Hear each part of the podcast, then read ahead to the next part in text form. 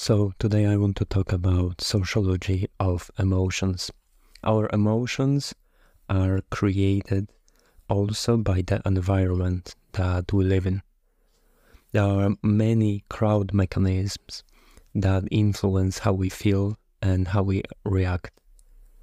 Emotions are contagious. When we see people at a football stadium, for instance, or in a conference room, they can share the same emotion. It can also happen that you get this deep emotional connection with other person based on their mirror neurons. Those are neurons in your brain that can reflect basically how others feel. It's also called empathy when you can get into somebody's shoes and feel how they feel, connect to them on a deeper, deeper emotional level. We can also see things like herd mentality, that people base their decisions, actions, states, emotions based on the majority among them. If they see that a lot of people think in the same way, that they think it implies that this way of thinking is correct. It's often seen also on the fin- financial markets where the herd mentality is very strong and some opinions about the future of the economy get very popular and a lot of people bet on them not because they have some insight but because the rest is also doing that. The analysis of emotion is hardly ever used in the social studies. Why is that? It's because the emotions are very hard to measure. And then it's hard to make statistics that are relevant. Why is that? It's because it's very hard to identify and name the emotions that people are feeling. The same stuff, the same events can trigger different emotions among people and they can call it differently. And a lot of people, they don't know how, what they are feeling, they don't know how to call it, they don't know how to properly express their emotions.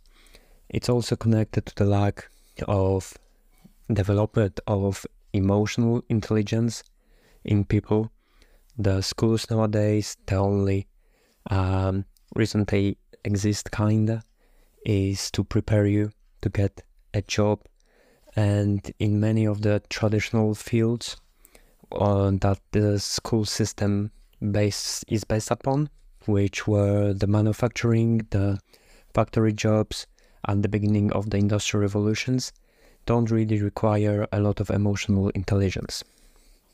So it's difficult to distinguish the emotions but we can focus on some of the basic emotions.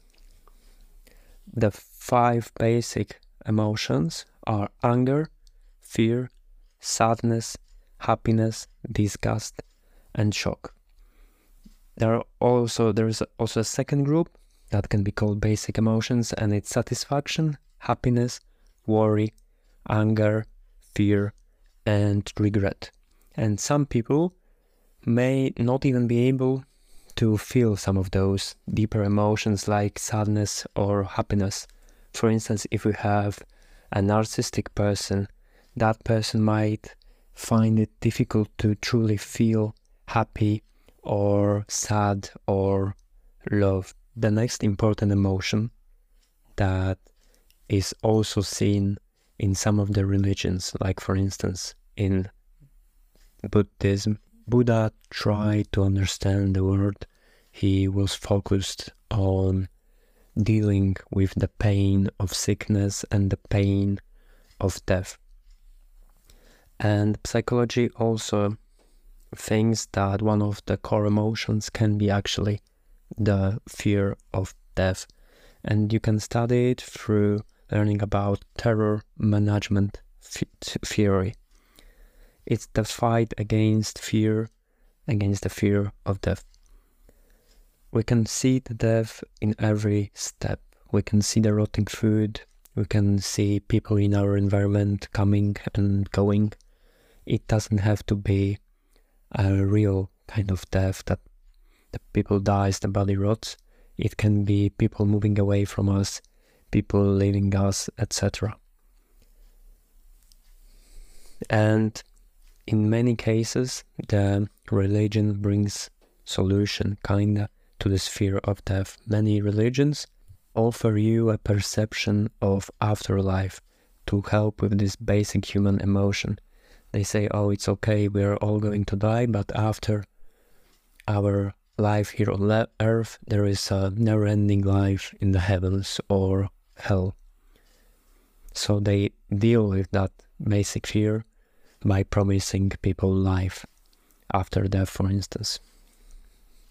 Another important factor in the social sociology of emotions is the recent division of physical and psychological form in human beings. For instance, Christianity held with that belief they distinguished body from the soul. But nowadays we know that many of the psychological phenomena are actually connected with our physical body. For instance, placebo. Placebo is a fact that takes part in our brain but can affect our physical bodies. Also, a very important statistic, in my opinion, is that good social relations, good relations with friends or family, can increase the physical health by a lot. If we ask neurobiologists, the people who study the brain, or the psychologists, social relations are one of the most important parts of human happiness. The most important physical things we can do is to drink water, to eat good food, to have um, sunlight, to exercise, to have good sleep, but also the social relations. So having good social relations will increase our health and longevity. That indicates that our psychological mind is connected to our bodies, that our emotions can also shape our health, health, which is quite obvious. For instance, if you are feeling long-term stress, that can have serious effects, for instance, on your stomach and on your overall well being. The next thing I would like to talk about is the emotional differential. It's a phenomenon that talks about different interpretation of the same event among people. The same thing can create different emotions in other people. For instance, if I show you a book, some people might look at this book and think about the title. Some people might think about how the cover looks. Some people might say, oh, I would design this cover better. Some people might say, oh, this book looks actually quite terrifying. The colors are very dark. So even if you show people the same thing, people can interpret it in different ways and think about it in different terms, which is very important to understand that the same signal that you are sending out can be interpreted in many different ways by different people based on their theory of brain, how their brain works. And this is also important in marketing to understand how certain things uh, can influence people's behavior. For instance, on the ads in the TV, you can see, for instance, that certain cars are marketed through showing you a happy family uh, using that car. It's a emotion driven ad. And that car is a promise that if you buy it, if it consume, if you consume it, will increase the happiness of your family, which is a very shallow way of thinking about human relations. And usually, people who are emotionally undeveloped think about themselves as basically the provider of goods. They um, feel like the social uh, priorities in our consumer uh, oriented world are theirs and people around them also would like to have uh, expensive things to have this car etc etc and the marketing experts derive a lot of value from that by offering an emotion emotional state behind their products. The next thing i would like to talk about is how emotions help us navigate through our complex world. For instance we use emotions to make judgments on some difficult subjects.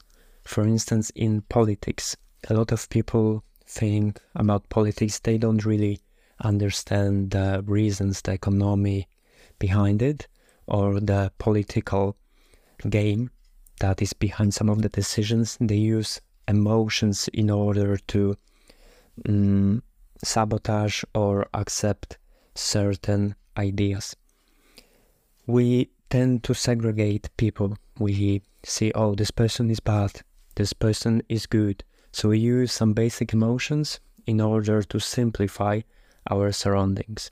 We also use a fact that is called cognitive dissonance, which is a very powerful effect.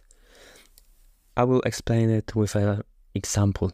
Let's say that a man walks into a bar.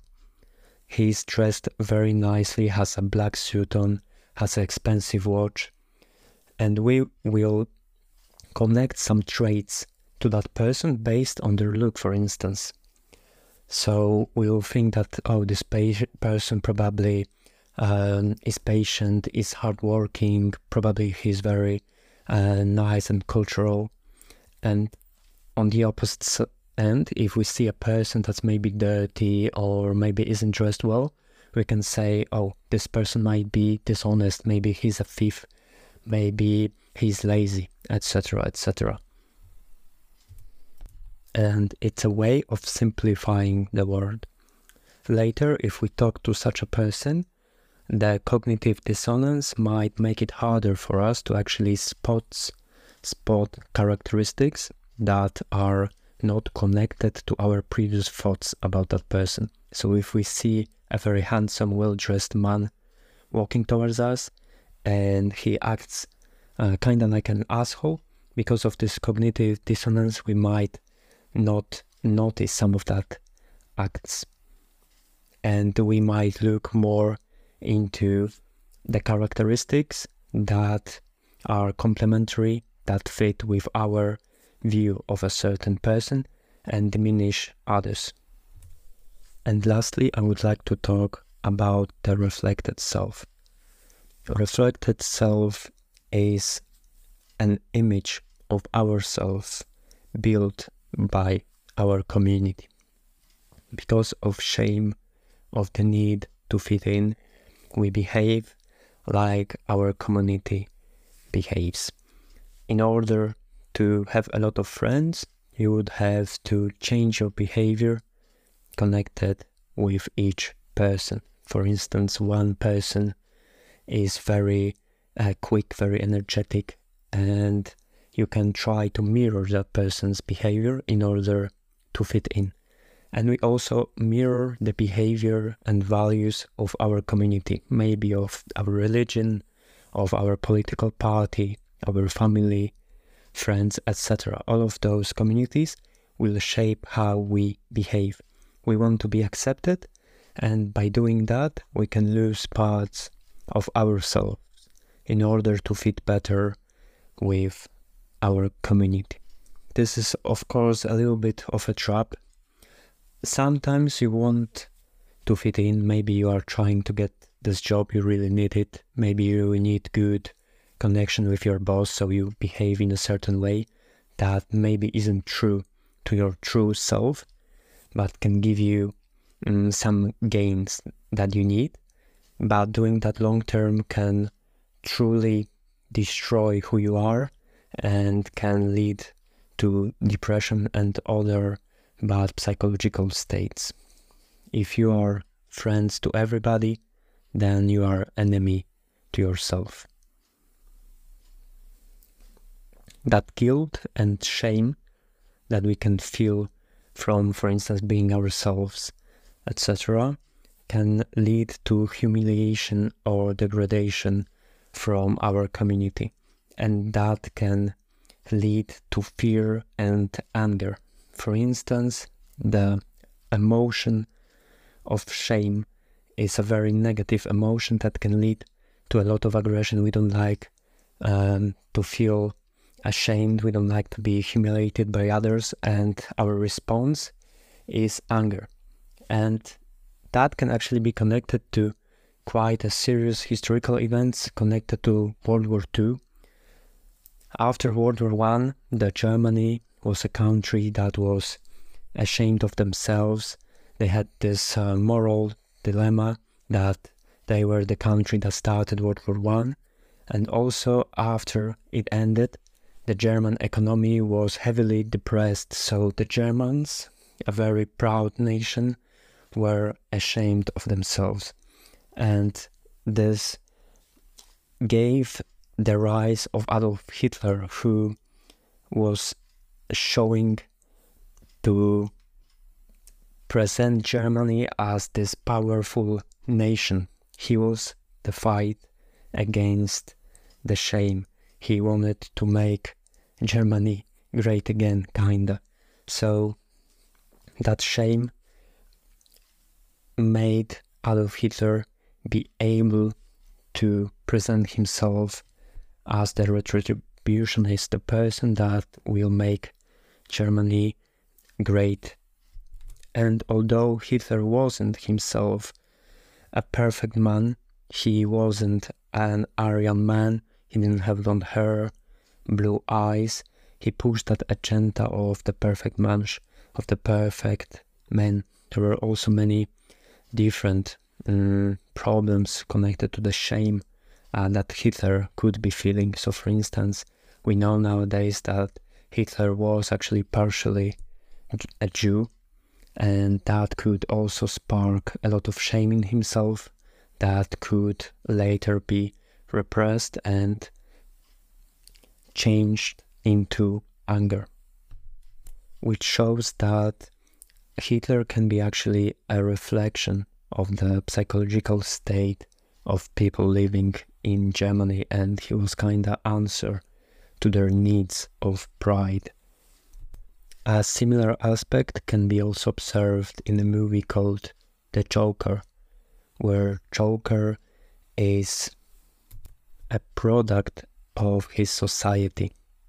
He is treated badly by people around him by people on the streets, by the boss, by his therapist, and finally, when he goes uh, on to his favorite TV show, and he's also made fun of him. There he snaps. Uh, I won't spoil you what happens, but he also is this ashamed person with guilt, humiliated by others, and he channels that into aggression. So there are things that are around you and that shape the way you think, not based on who you truly are, but on the values that are common among the communities that you are in. So if you want to change your values, if you want to make your habits, it's good to surround yourself with people that have the values, the way of thinking, they make the actions that you want to see in yourself. I encourage you to think, stay with yourself, to see what aspects of your life are created by you that are truly your decisions and that are truly the things that you want to do and are not just part of this social structures of the values that are coming from your environment and not from you. Thank you for listening to today's podcast, and I wish you all the best. Cheers, take care. Bye.